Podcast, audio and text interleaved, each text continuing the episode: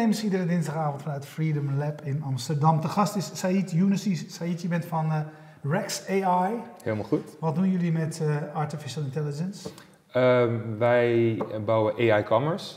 Uh, dus een AI-technologie die we aan elke e-commerce website kunnen koppelen. En daardoor wordt de website zelflerend. En wat houdt dat in voor mij als klant? Um, dat wij proberen de dingen die niet relevant voor jou zijn, uh, niet aan jou te laten zien. En te proberen te leren door wat je doet. En daaruit een plezierigere webervaring en winkelervaring te, te maken. Eigenlijk wat we doen is wat waar Amazon heel goed in is is luisteren, leren en daarop inspelen door uh, relevantere dingen aan je te tonen. Geef eens, een, geef eens een voorbeeld, want e-commerce is heel breed, retail. Ja, dat is heel breed. Ja, ehm, wat verandert er dan in mijn shoppingervaring? Ik ga een boek kopen bij bol.com. Ja, nee, ik weet wat ik wil hebben, ja. ik typ dat in. Ja. Ja, als je precies weet wat je wil hebben, dan kom je er meestal wel. Maar overgroot deel van mensen die je zoekt, die heeft een idee of een richting. Uh, maar nog niet een specifieke gedachte. En hoe verder je van, van je koopmoment af zit, hoe minder specifiek het is. En hoe dichterbij je komt, hoe precies je weet. Maar die hele journey, ja, hoe langer die is, ja, hoe meer mensen gefrustreerd raken, hoe meer mensen afvallen. En nou, eigenlijk is het heel simpel als je, als je bedenkt dat jouw gedrag laat in feite heel veel zien. Hè. Kijk je naar een product, hoeveel seconden kijk je ernaar? Kijk je er twee seconden naar, voor je niet interessant? Kijk je er twee minuten naar, voor je wel interessant? Kijk je er twee uur naar, dan zit je waarschijnlijk op Facebook. En um, als we simpel kijken, dat uh, de overgrote deel van websites, e-commerce websites in Europa, die uh, passen zich niet aan automatisch aan het gedrag van een gebruiker. Dus jij, terwijl je in het verleden langs bent geweest, andere producten hebt gekocht, krijgt exact dezelfde te zien als elk andere persoon. Terwijl je wel andere dingen gedaan hebt en interesses getoond hebt. Dus de vraag is, waarom is niet elke website automatisch uh, uh, aangepast op elke gebruiker? En ja, daar heb je AI-technologie voor nodig, omdat wij dat als mensen niet zelf kunnen. Zodat we het even heel goed snappen. Uh, aangepast op de gebruiker betekent dat dat je uh, uh, wat de website doet, mm -hmm. aanpast op het gedrag van die bezoeker op dat moment op de website? Ja. Of, of, ga je ook profilen nee. en neem je allerlei data mee van de gebruiker die je op andere manieren weet? Uh, nou, je hebt natuurlijk met GDPR heel veel uh, beperkingen en dat is ook goed. Je moet daar uh, rekening mee houden, privacy. Dus je mag in principe, als je er toestemming voor vraagt, binnen het domein zelf. Dus als jij bol.com bent, dan mag je data binnen bol.com gebruiken. Als je andere data gebruikt, dan moet je er toestemming voor hebben.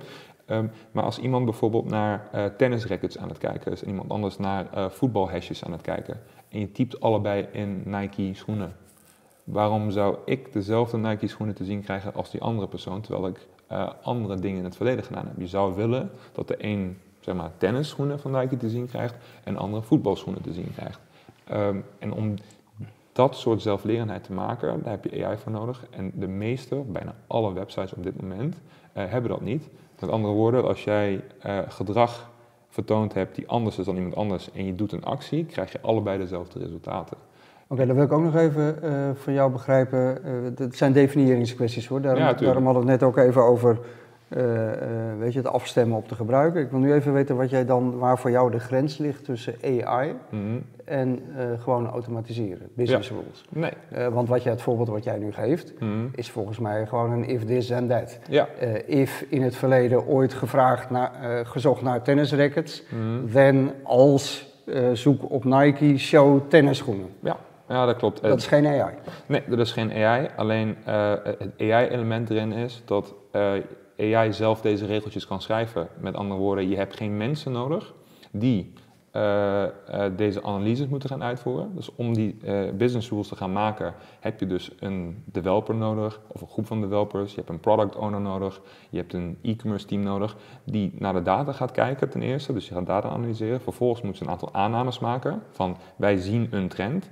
Dan moeten ze gaan coderen om die if this then that in elkaar te zetten. Dan moeten ze gaan kijken of het gewerkt heeft. En op basis daarvan moeten ze nog kijken of ze aanpassingen moeten maken. En als hun productaanbod verandert of het gedrag van mensen verandert, dan moeten ze dat continu blijven aanpassen. Nou ja, wij als mensen zijn eigenlijk niet zo heel goed in. Hoe werkt dat dan bij jullie? Nou, wat AI doet, Uh, we gebruiken verschillende algoritmes, matrix factorization, multi-arm bandit en dergelijke. En dat zijn allemaal algoritmes die continu kijken naar wat doe jij? Wat voor gebruikers heb ik in het verleden gezien die soortgelijk gedrag, gedrag vertoonden? En welke opties heb ik toen uitgevoerd en wat was het meest succesvolle? En vervolgens gaat hij kijken wat is er op dit moment beschikbaar uh, en welke van de acties kan ik nu doen die het meest lijkt op wat ik in het verleden heb gedaan die succesvol was. En met andere woorden, dan kan die je tennisschoenen laten zien. En als je dan erop klikt, dan is dat bevestigend. En hoe meer jij bezig bent en een interactie hebt met web, mail en search en ook offline, uh, die data wordt uh, centraal verzameld. En daarmee kan je steeds beter inzicht krijgen in, in menselijk gedrag. Het is een beetje zoals je uh, op een uh, YouTube-kanaal uh, of op YouTube aan het kijken bent. Ik ben weer begonnen met schaken en ik ben beduidend slechter dan ik dacht dat ik was. Dus ik ben wat YouTube-filmpjes gaan kijken en ik zie in mijn feed, als ik één filmpje heb gekeken, nou, dan komen er wat meer andere schaakgerelateerde, maar ook andere dammen bijvoorbeeld die aanbevolen worden. En hij leert dan dat ik daar weer meer interesses in krijg en dan past hij zijn soort video's die hij aan mij laat zien, ja, past nou, nou, automatisch nou, op aan. Nou, hebben wij ook altijd heel geleerd dat de, de kwaliteit van zo'n algoritme, of van de, de AI heet mm. dat, uh, staat of valt met de kwaliteit van de trainingsdata. Ja. Uh, waarbij het soms best ingewikkeld is om uh, uh, dingen ook te kwalificeren. Wat is succes, wat is niet, wat zijn, ja. wat zijn tennisschoenen en wat niet. Ja. Dat heb ik vaak bij, Spotify. Jij, jij zei namelijk net, als ik twee seconden, na twee seconden wegklik, dan vind ik het niet leuk. Maar ik heb bij Spotify heel vaak dat ik er twee seconden wegklik omdat ik het al ken en wel goed vind. Snap je? Dat, ja. Zijn ja, maar dat is de vraag, wat is de definitie? Hoe, hoe zorgen jullie dat die, dat, dat die kwaliteit van die training is? Hoe, hoe trainen jullie? Nou, het is niet dat wij nu het antwoord hebben, de beste algoritmes voor altijd. Dus je blijft continu uh, nieuwe modellen maken en leren en aan verbeteren. Um, kijk, in principe gaat het om bij e-commerce van A naar Z komen. En wat ik vertelde in Customer Journey is ergens beginnen, in contact komen met iets, dan naar een website gaan zoeken. En het uiteindelijke succespunt is iets kopen. Dus voor algoritmes is heel duidelijk, hoe krijg ik mensen naar dat ene punt? En um, de, de, eh, het mooie is dat je uh, bepaalde algoritmes op een bepaalde manier kan strekken, ensemble, zodat ze van elkaar kunnen leren. Dus we hebben speciale algoritmes, dat heet cold start. Dus als een gebruiker nieuw is, dan weet je nog niks. Maar je kan aan de metadata kijken. Wat voor uh, iOS hebben ze, wat voor device zitten ze, wat voor tijd is het, wat is hun IP-locatie. En zo kan je al een idee krijgen van oké, misschien moet ik hiermee beginnen. En in initiële instantie is het misschien niet uh, uh, significant groot verschil, maar wel een merkbaar verschil. Maar hoe meer interactie er komt, hoe beter de resultaten worden. En daar heb je verschillende modellen voor. En zeker nu zijn er niet eenduidig van super algoritmes die alles kunnen. Maar we zijn wel bezig zeg maar, verschillende algoritmeklassen te ontwikkelen die elkaar aanvullen om uh, die scenario's goed uh, af te dekken. Hoe, hoe uh, veel moeite kost het jullie om eigenaren van shops te overtuigen van, van, van, van, jullie oplossing? Je zegt het is nog nauwelijks ergens. Ja. Ja. Dus je moet mensen eerst, ga, eerst gaan overtuigen. Ja, dat klopt. Kijk, hoe wij, de, de grote, wat ik altijd zeg, de grote tech-first spelers, de, zijn de bol.coms, de Amazon, de Zalando's, die, die, die lopen daarin vooruit. Uh, en die bijvoorbeeld Zalando heeft uh, acht maanden geleden of zes maanden geleden uh, rigoureus hun resourcing aangepast. Waarbij ze software developers en data scientists met marketingmensen gecombineerd hebben. Waarbij marketing een beduidend stukje minder geworden is.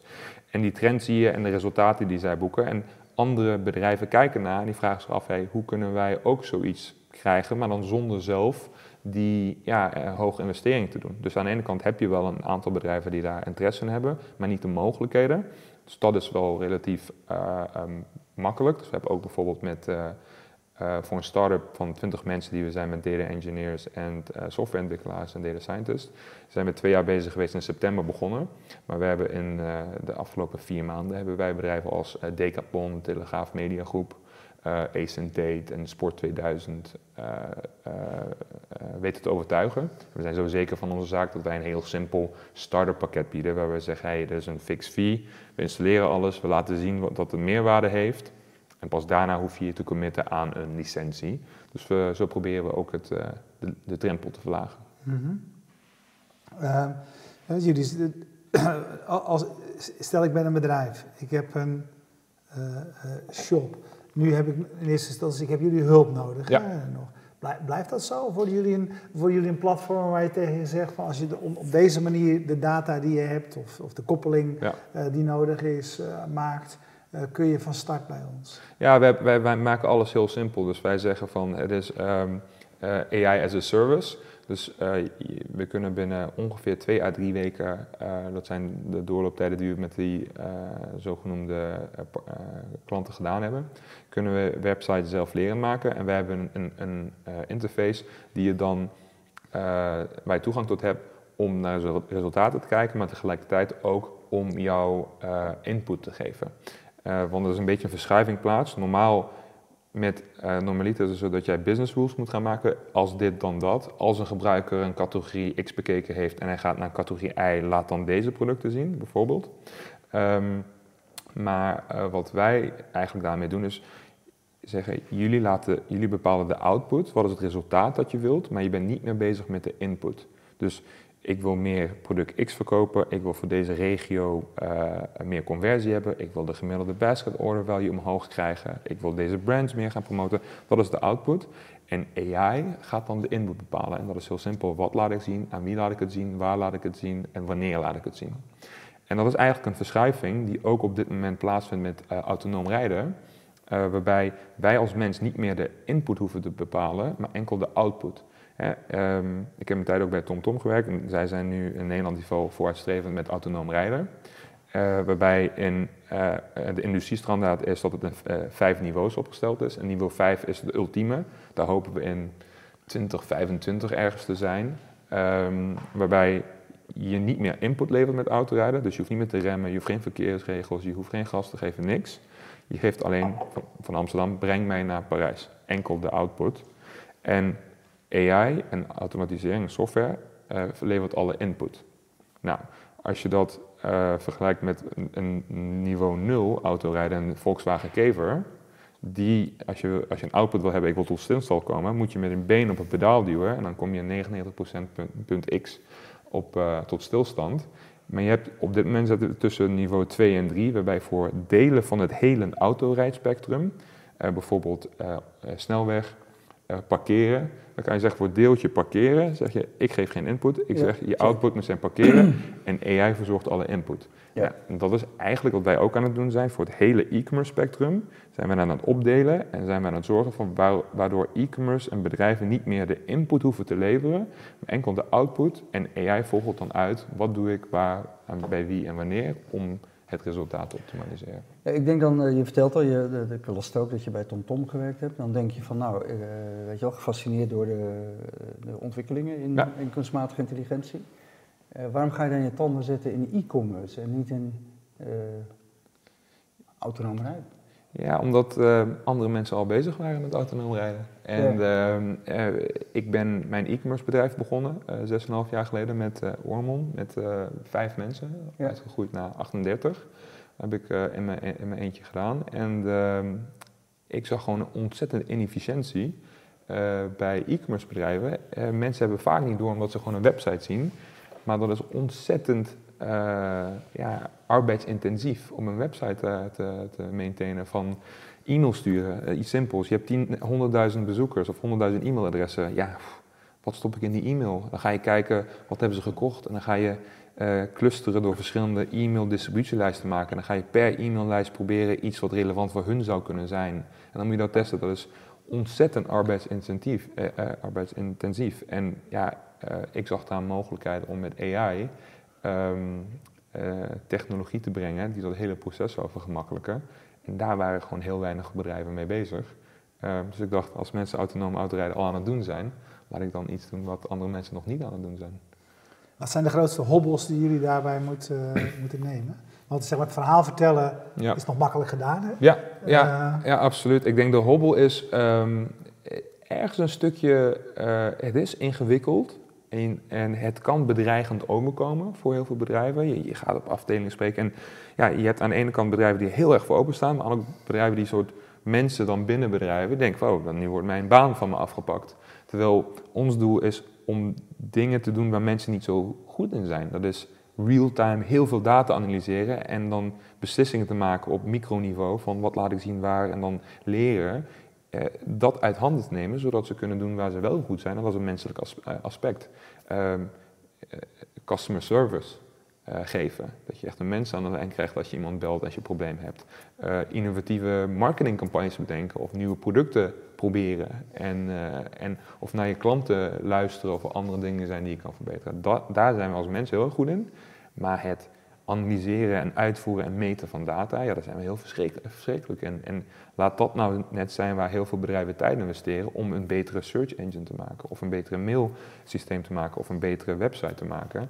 Ehm, ja, daar denk ik dat eh, dat een beetje uitdaging is. En daar hoop ik eh, ja, een beetje educatie ook mee te kunnen brengen. Als je kijkt naar, eh, je, hebt, je hebt die, die, de klanten die je net noemde. Eh, kun, je daar wat resultaat, kun je daar resultaat al over delen? Wat, wat, zeg maar, wat, welke vooruitgang ze geboekt hebben dankzij jullie? Ja, we hebben met eh, eh, bijvoorbeeld één klant, uh, Vitateek, dat is een online drogist en multimedia, die hebben 30.000, nee 60.000 producten online.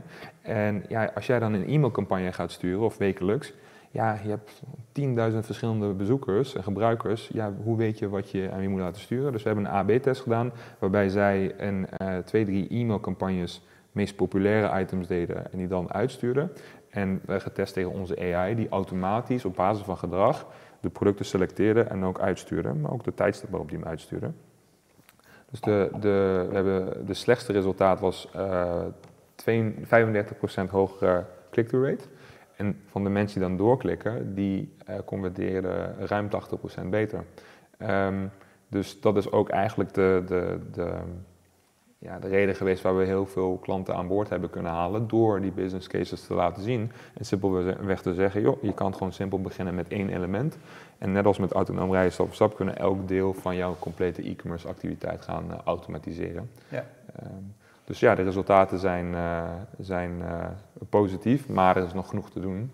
En we hebben een roadmap voor de komende drie jaar nog. Uh, dus is genoeg en je zei dat je al heel veel klanten hebt. Ik las ook, jullie hebben van de zomer anderhalf miljoen euro investeringsgeld Ja. opgehaald van, Ja. van private equity of venture capital. ja, Eh, van een venture capital. venture capital.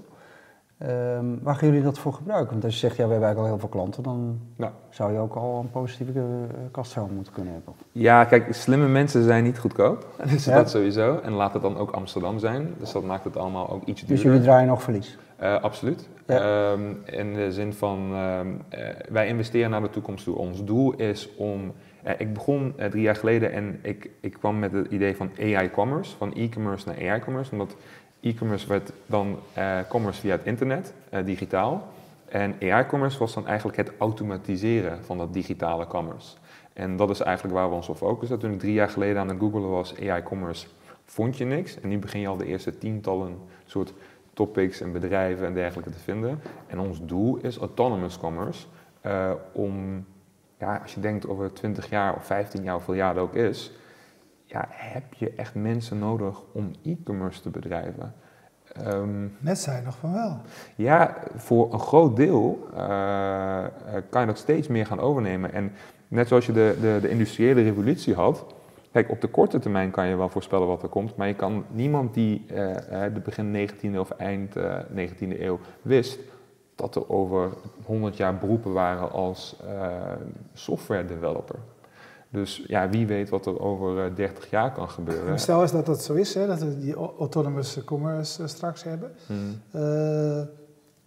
hoe onderscheiden winkels zich dan nog wel? Of is er eigenlijk gewoon één winkel die alles heeft en jou gewoon kan bieden ja, wat dat, je nodig hebt? Ja, dat, dat, kijk, je, dan, je kan te maken hebben met uh, verschillende softwareontwikkelingen. De ene die dat wel kan uh, veroorloven of niet. Maar we zien nu op dit moment in de wereld ook al een soort conglomeratie van kracht, uitgevo uitgevormd in zeg maar, geld en technische kennis. Er is een reden waarom uh, economies of scale binnen technologie zeker van toepassing is. Daarom heb je één Google.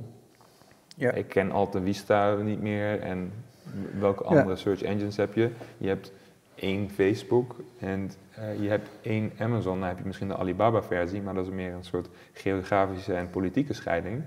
Uh, maar je ziet wel dat technologie uh, ook macht met zich meebrengt. En wat wij proberen te doen is juist een soort uh, toegang tot technologie laagdrempeliger te maken om ja, het speelveld wat eerlijker te maken. Een heel mooi bruggetje naar een wat meer meta-onderwerp waar ik even naartoe wilde. Wij komen net terug uit Austin, South by Southwest. En ik denk dat het onderwerp daar dit jaar was ehm, ja, het, het, toenemende verzet en ehm, ja, ongemakkelijke gevoel wat veel mensen hebben bij ja.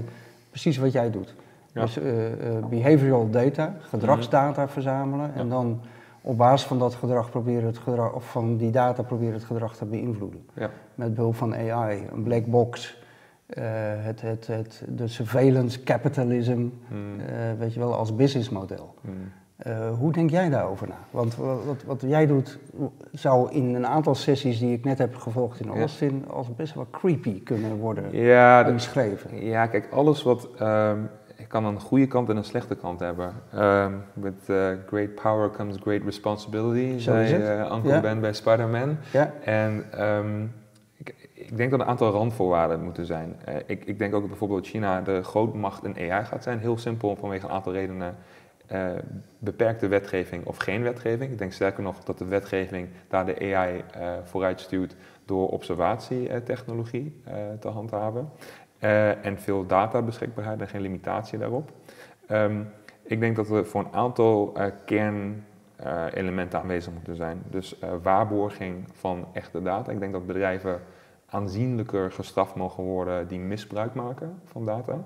Um, wat wij doen heel simpel, wij gebruiken data binnen een domein. Dus als iemand komt op de website en die geeft er toestemming voor, dan wordt de data alleen voor op die website gebruikt om binnen dat domein te personaliseren. De data wordt niet ergens anders voor gebruikt, het wordt niet verkocht, het wordt niet gedeeld op andere algoritmes te trainen. Het wordt enkel maar dat bepaalt toch het bepaalt toch het e-commerce bedrijf waar jij je technologie aan verhuurt?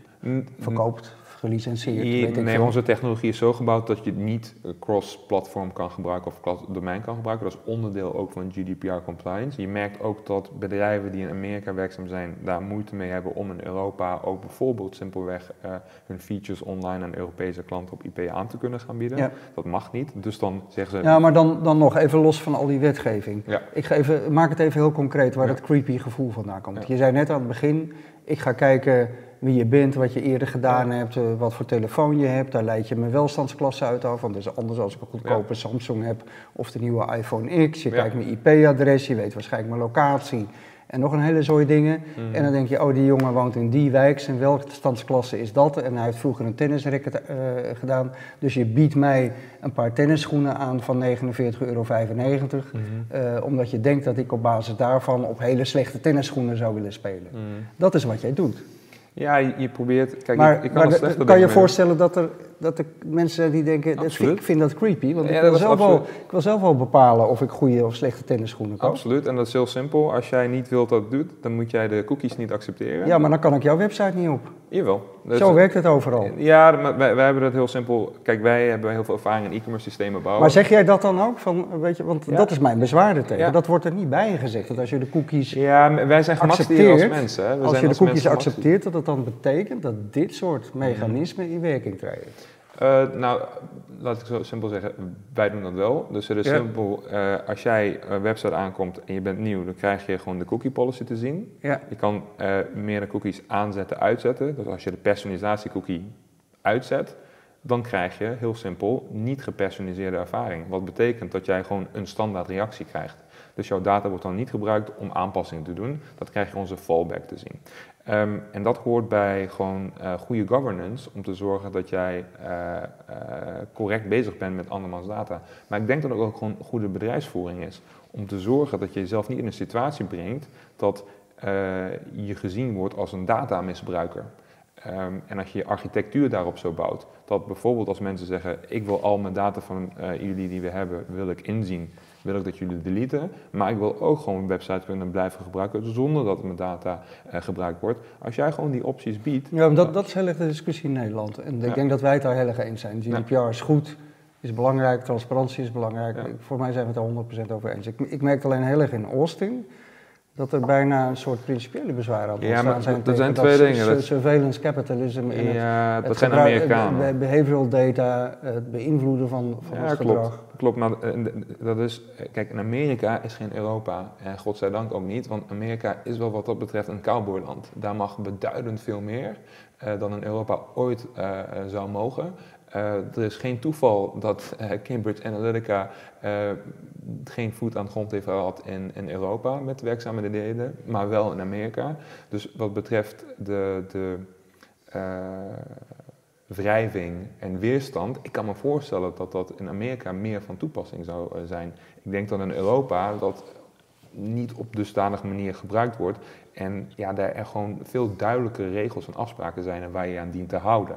Nou, als mensen dat eh, hè, eh, overtreden, is een ander verhaal. Eh, maar ik denk dat sowieso de, de regelgeving in Amerika gewoon achtergesteld is. Ik denk, eh, Oké, maar daaruit verklaar jij die bezorgdheid. Jij denkt dat Die- dat in Nederland niet ik, gaat ik, denk, ik overwaaien. denk dat je wel bezorgd moet zijn en, en gewoon eh, eh, met een gezond verstand naar data moet kijken. Wat Ja. wordt er met mijn data gedaan en dat je het begrijpt. En dat je daar ook opties in hebt. Ja. Ik denk dat alleen in Amerika daar de situatie en het scenario zo geschetst is dat ehm, het veel meer in het voordeel van bedrijven is. En eh, wat dat- minder in het voordeel van de consument. ja, en in Europa daar wordt er toch iets meer naar gekeken en meer rekening mee gehouden. En daar zijn wij iets minder van gediend dan, eh, dan in Amerika. Maar dat heeft ook met politiek te maken. En geld en politiek en hoe het in elkaar verweven is, dat hebben wij in Europa gelukkig iets minder.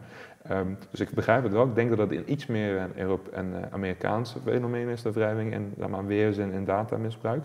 Ehm, maar aan de andere kant, we zijn wel ook mensen, we kunnen niet altijd... ehm, we hebben de balans maken tussen gemakszucht aan de ene kant en voordelen daaruit. Ik wil ook interessante e-mails krijgen als ik het echt iets zoek en voor mij relevant is.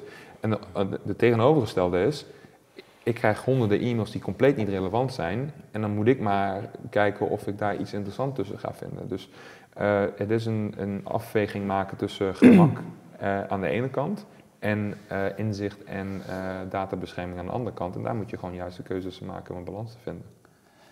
Johan Schaap zegt, er is een eh, groep, een groepje, zegt hij, die erg gelooft in, in voice, Ja. eh, voice technologie.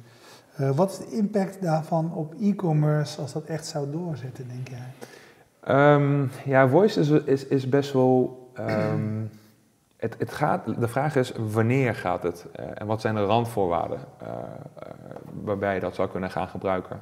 Ehm, het probleem van voice gaat altijd zijn privé. Ja, ik wil iets bestellen, maar ik wil niet dat mensen horen wat ik bestel. En laat geluid nou zich niet makkelijk eh, zeg maar Ja, doe je beperken. even in de tram. Ja. Dus er zijn, aan de ene kant heb je hele basiselementen waar we misschien ja, op dit moment nog niet echt een oplossing voor hebben. Eh, maar aan de andere kant ehm, heeft voice, als het een meer natuurlijke eh, soort interactie kan hebben, de mogelijkheid om ja, dingen makkelijker te maken. Kijk, ehm, als jij aan het rijden bent en je kan gewoon tijdens het rijden eh, zonder je handen eh, te gebruiken je navigatie makkelijk aanpassen. Alleen het is zo'n complex systeem met zoveel variabelen, accenten, intonaties, eh, talen, dialecten, eh, idioom en dergelijke. Ehm, ik denk dat er nog technisch wel heel veel te overbruggen is, alvorens we het op een bredere schaal kunnen gaan gebruiken voor commerce aan de ene kant, maar ook andere doeleinden. Ik denk een van de basisuitdagingen blijft dat het niet allesomvattend zal zijn, simpel vanwege natuurkundige elementen, is dat geluid zich niet zomaar laat stoppen eh, en privacy Ja. daar wel een element in gaat spelen. En Johan vraagt ook nog een andere trend, is natuurlijk heel erg de- het platform e-commerce. Mhm. Eh, dus dat je eigenlijk als kleine eh, e-commerce partij bijna inmiddels wel gedwongen wordt om via de grotere platformen je spullen aan te gaan bieden. Ja. Eh, je ziet in Nederland ook met, met eh, Bol, eh, Ja. maar Amazon is natuurlijk ook een prachtig voorbeeld ervan. Ja. Hoe gaat dat jullie business beïnvloeden? Nou, het, ik, ik denk dat ehm, aan de ene kant heeft het positieve elementen, in de zin van dat bedrijven zien dat ehm, het kunnen begrijpen en weten wat je klanten willen een voordeel is. Dus je kan dezelfde technologie niet hebben, maar als je dat aansluiten bol.com, die hebben dat wel. Dus die kunnen Ja, jou... maar je hebt wel minder potentiële klanten, denk ik dan. Ja, aan de ene kant eh, zie je het voordeel en aan de andere kant even nadeel. Aan de andere kant, eh, de markt is relatief jong en het is een heel erg grote markt. En eh, er zijn meerdere bedrijven die hierop inspelen om te kijken van hoe kunnen wij het hele e-commerce management, hè, hoe een e-commerce platform draait, automatiseren met behulp van AI. Dat kan je vanuit een content kant doen, dat kan je van een product kant doen, je kan vanuit e-mail komen, je kan van search komen. Dus er zijn gewoon heel veel elementen die daar nog bij spelen. Uh, het voordeel is dat meeste uh, e-commerce shops op systemen draaien van leveranciers. En die hebben ingebouwde features. Nou, en wij zijn met die leveranciers bezig, zodat onze features ja, out of the box eigenlijk al meegeleverd worden, zodat ze bol.com technologie hebben om hun klanten ook te kunnen bedienen. Maar dat is ook relevant voor B2B uh, bijvoorbeeld, maar die zitten niet op bol.com. Je zei uh, eerder, uh, keek, je, keek, je, keek je naar de toekomst en schets je een winner-takes-all wereld. Hè? Mhm. Want, we kennen maar één Google en we kennen maar één. zijn jullie er eigenlijk niet een tijdelijke oplossing aan het, aan het bouwen? Nou, wij zijn uh, dezelfde manier waar je van aut autonomous commerce een doel hebt, zijn we de, de uh, deeloplossingen aan het maken om naar het uh, eindpunt te komen. En als we maar kijken... het eindpunt is in jouw visie, zeg maar één Amazon. Ja, maar dus uh, je moet wel een technologie bouwen die uh, bedrijven zou, zelf daarvoor ook kunnen gaan gebruiken. Um, dus ik denk dat er wel... het is heel moeilijk om te gaan zeggen wat er precies in de toekomst gaat gebeuren. Maar je ziet wel met alle technologieën dat er eerst een wilde westen is. Nou, een beetje met, uh, laat ik zeggen, met uh, Google's. De Alta Vista, de Yahoo, de Bing, wat nog meer je destijds had. Mm -hmm. Lycos volgens mij was er ook nog weer eentje. Ja? En uiteindelijk gaat er eentje succesvol zijn. Zijn. maar dat zijn generieke publieke services en diensten die iedereen nodig heeft. Een e-commerce platform is niet een generiek service of dienst. Het is toegespitst op bepaalde industrieën, voor bepaalde bedrijven. En het voordeel daarin, en dat is ook altijd gebleven in de hele geschiedenis van uh, software voor bedrijven, dat er nooit één bedrijf was die daarin allesomvattend was. In, in de buurt komende was misschien Microsoft, uh, uh, operating systems, maar dat is ook nogmaals een meer publieke software systeem om computers te kunnen gebruiken. Dus Ja. voor business Denk je dat dat minder geldt? ja, dat heeft tot nu toe is het nooit gebeurd. Ja. En ik, ik voorzie niet dat dat gebeurt omdat de bedrijven allemaal di- in de andere industrieën, andere mensen, andere ja, eh, behoeftes hebben. En daardoor niet Oké, één eh, behoevende bedrijf. Slo- eh, slotvraag, anderhalve miljoen investeringsgeld, Ja. drie kwart jaar geleden. Ja. Ehm, waar staan jullie over een jaar? Wat ga je ermee doen? Ehm, ja, wij, wij gaan richting dat autonomous commerce. Dus verder doorontwikkelen en Europees uitbreiden. Ehm, voor dit jaar is ons doel om de business cases, de, de, de grote namen klanten die we hebben, eh, compleet uit te werken en dat te gebruiken om te laten zien wat onze waarde is en daarmee zeg maar, nieuwe klanten te gaan werven. En we zoeken natuurlijk altijd slimme mensen die eh, een data science, data engineering en de software ontwikkelen achtergrond hebben. Maar Ja, die zijn lastig te krijgen en duur. zou ik tegenwoordig zeggen. Ja, voordeel is dat wij een heel mooi kantoor ook in eh, Valencia hebben. Oké, dus, dus, eh, lekker weer. daar is het altijd lekker weer. En we hebben een appartement daar, dus dan kunnen mensen altijd twee, drie weken blijven. In de, in de En je winter, moet wat hè, om mensen binnen te halen. Ja, absoluut. Dus in de winter zit eh, het- op de een of andere manier iedereen in eh, Valencia. En in de zomer zit iedereen in Amsterdam. Dus we hebben of eh, te, te veel plekken of te weinig. Maar, Het eh, hoort erbij. Nee, dat is een leuke uitdaging. En de- we hebben leuke klanten die, die openstaan voor eh, innovatie. En eh, ja, waar we samen aan werken om eh, het hele e-commerce verhaal te automatiseren. Maar tegelijkertijd ook relevanter te maken. En daar moet je een balans in vinden. Wat heb Heel je veel zelf succes. gestudeerd? Oh. Ik- Nou, een Ja, ik heb, ik heb eh, eh, in Maastricht gymnasium gedaan en uh, een St. Maartens College. En eh, toen ben ik een eh, paar jaar niks gaan doen. Toen ben ik in Cambridge een jaar geweest naar mijn GMAT scoren. En toen bleek ik toch niet zo geïnteresseerd te zijn in, in, in studeren. Eh, daarna heb ik in, eh, in Duitsland een jaar gewerkt, in een consultancy. En in eh, Zweden, in Stockholm drie jaar. Dus je hebt geen studie afgemaakt, begrijp ik. Nee, nee. Ik heb eh, ja, een beetje autodidactisch zelf eh, altijd gelezen over eh, development, data en algoritmes. En zodoende altijd alles zelf gedaan. Nou ja, En, mooi dat dat ook kan. Hè? ja, Dat, dat, ja, dat kan. Dus, ehm, ik, ik, er zijn heel veel mogelijkheden en je hoeft niet altijd door hetzelfde hoepeltje te springen. Dus ja, je moet doen wat je denkt dat je moet doen. Fantastisch. In ieder geval, wat je ontzettend goed doet, is je, je- jullie verhaal eh, duidelijk en begrijpelijk voor eh, een leek als mijzelf eh, vertellen. Ik Dus, betwijfel dat jullie leken zijn, maar ik waardeer het compliment. Dankjewel. Oké, dankjewel. succes. Jullie bedankt voor het kijken. Eh, we danken zoals altijd Bier Co voor eh, het bier PQR voor de hosting van de website. Jetstream voor de livestream en Freedom Lab voor de gastvrijheid. We zijn er iedere dinsdagavond, dus volgende week weer. Dag.